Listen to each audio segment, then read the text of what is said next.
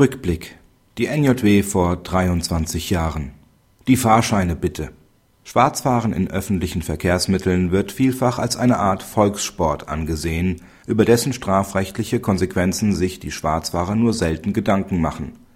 So hatte das OLG Hamburg vor 23 Jahren (NJW 1987, Seite 2688) einen Angeklagten nach § 265a StGB verurteilt, der dreimal die Hamburger U-Bahn ohne den erforderlichen Fahrausweis benutzt hatte. Obwohl vom Angeklagten keine Kontrollen umgangen worden waren, hat das Gericht in Übereinstimmung mit der herrschenden strafrechtlichen Literaturmeinung für ein Erschleichen im Sinne des § 265a StGB jedes der Ordnung widersprechende Verhalten als ausreichend angesehen, durch das der Täter sich mit dem Anschein der Ordnungsmäßigkeit umgibt.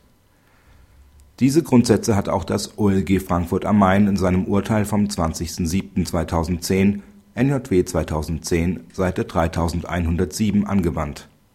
Weiter legt das Gericht in den Entscheidungsgründen ausführlich dar, welche Anforderungen an die tatrichterlichen Feststellungen zu dem vom Täter erweckten Anschein der Ordnungsmäßigkeit seines Verhaltens zu stellen sind. Carsten Krumm begrüßt in seiner Anmerkung NJW 2010, Seite 3109 diese Entscheidung, soweit sie die Grenzen der Strafbarkeit des § 265a StGB sowie den Übergang von Versuch und Vollendung aufzeigt. Die vom OLG aufgestellten Anforderungen an die tatrichterlichen Feststellungen zum Vorliegen einer Schwarzfahrt sieht Krumm jedoch angesichts zu befürchtender Strafbarkeitslücken sowie des damit verbundenen Ermittlungs und Darlegungsaufwands für ein Massenphänomen kritisch